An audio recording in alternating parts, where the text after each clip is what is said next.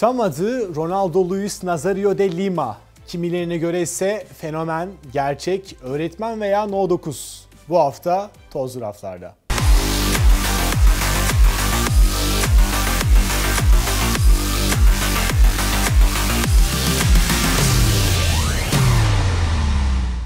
...18 Eylül 1976'da Rio de Janeiro'da doğdu. Bente Ribeiro sokaklarında futbol tutkusuna başlayan Ronaldo için annesi okula gitmesi gerektiği zamanlar arkadaşlarıyla top oynarken buluyordum. Biliyorum artık savaşımı kaybettim diyecekti. Annesi Sonya'nın kendi tabiriyle kaybettiği bu savaş futbolun kazanacağı bir fenomen yarattı. Futbolun seyir zevkini en uç noktaya taşıyan birkaç isimden birisi Ronaldo Nazario'dur. Hiç Şampiyonlar Ligi almamış olsa bile izleyenlerin büyük kısmının bir kıyasa girmeden en iyisi o dediği tek isim Ronaldo, Cruzeiro, PSV Eindhoven, Barcelona, Inter, Real Madrid ve Milan. Ronaldo hepsinde bir iz bıraktı. Özellikle Barcelona ve Inter'deki performansı belki de 90'lı yılların en büyüleyici durumuydu. Ancak onu tanımlarken tıpkı tarihte olduğu gibi milattan önce ve milattan sonrası gibi sakatlık öncesi ve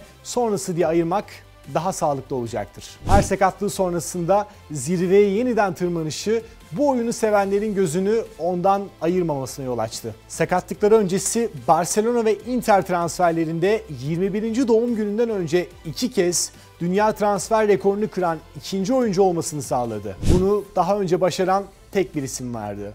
Diego Armando Maradona. 1998 Dünya Kupası finali, 1997'de aldığı Ballon d'Or, 96 ve 97 FIFA ve 98 İtalya Serie A yılın en iyi futbolcusu ödüllerini süpürürken Nazario için kariyerinin milattan sonrası yani sakatlıkları başlıyordu. 21 Kasım 1999'daki Inter Lecce maçının 59. dakikasında kendisini kötü hissederek oyundan çıktı. Bu onun 6 ay sahalardan uzak kalacağı ilk gündü. Ama en kötüsü henüz bu değildi. Takvim yaprakları 12 Nisan 2000'i gösterdiğinde Nazario sahaya ayak basıyordu. Kupa finalindeki Lazio maçıyla geri dönen Ronaldo için herkes büyük bir coşkuyla kaldığı yerden devam etmesini beklerken oyuna girdikten sadece 7 dakika sonra sağ dizi dayanamadı. Fenomen acı içinde yerdeydi. Diz kapağı tendonu bu kez tamamen kopmuştu. Büyük bir bekleyişin ardından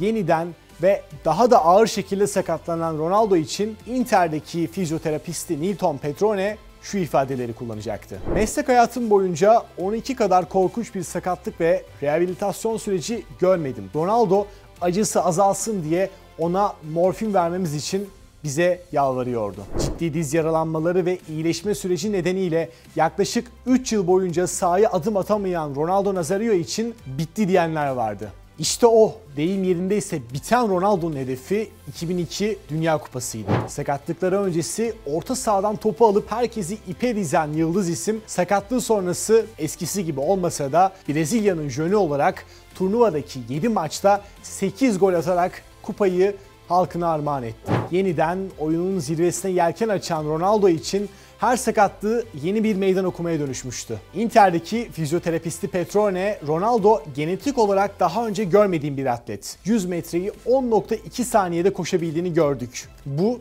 inanılmazdı. O sadece hızlı değildi, büyük bir kuvvete sahipti ve vücut koordinasyonu kusursuzdu. Bunun sebebi diz kapakları ile kaval kemiği arasındaki bağlantı olması gereğinden fazla hareketliydi ve bu onun hızını ve kıvraklığını açıklarken onun sakatlığa daha açık bir oyuncu haline gelmesine sebep oluyordu. 98 Dünya Kupası'ndan önce bile bu durumun farkındaydık. Fakat elimizden bir şey gelmiyordu diyecekti. Bu durum onu fenomen yapan kaderiydi. Tarihler 2002 Ağustos'unu gösterdiğinde Ronaldo 45 milyon euroya Real Madrid'e transfer oldu. Real günlerinde rüzgar gibi olan hızını kaybetse de öldürücü vuruşları hala onun envanterindeydi. Eflatun beyazlar ile gol kralı olan Ronaldo Şampiyonlar Ligi'nde Manchester United'a karşı hat-trick yaparken Old Trafford seyircisi onu ayakta alkışlayacaktı. Ronaldo'yu anlatan en spesifik ifadelerden birisi Valencia maçının spikerine aittir. İzleyicilere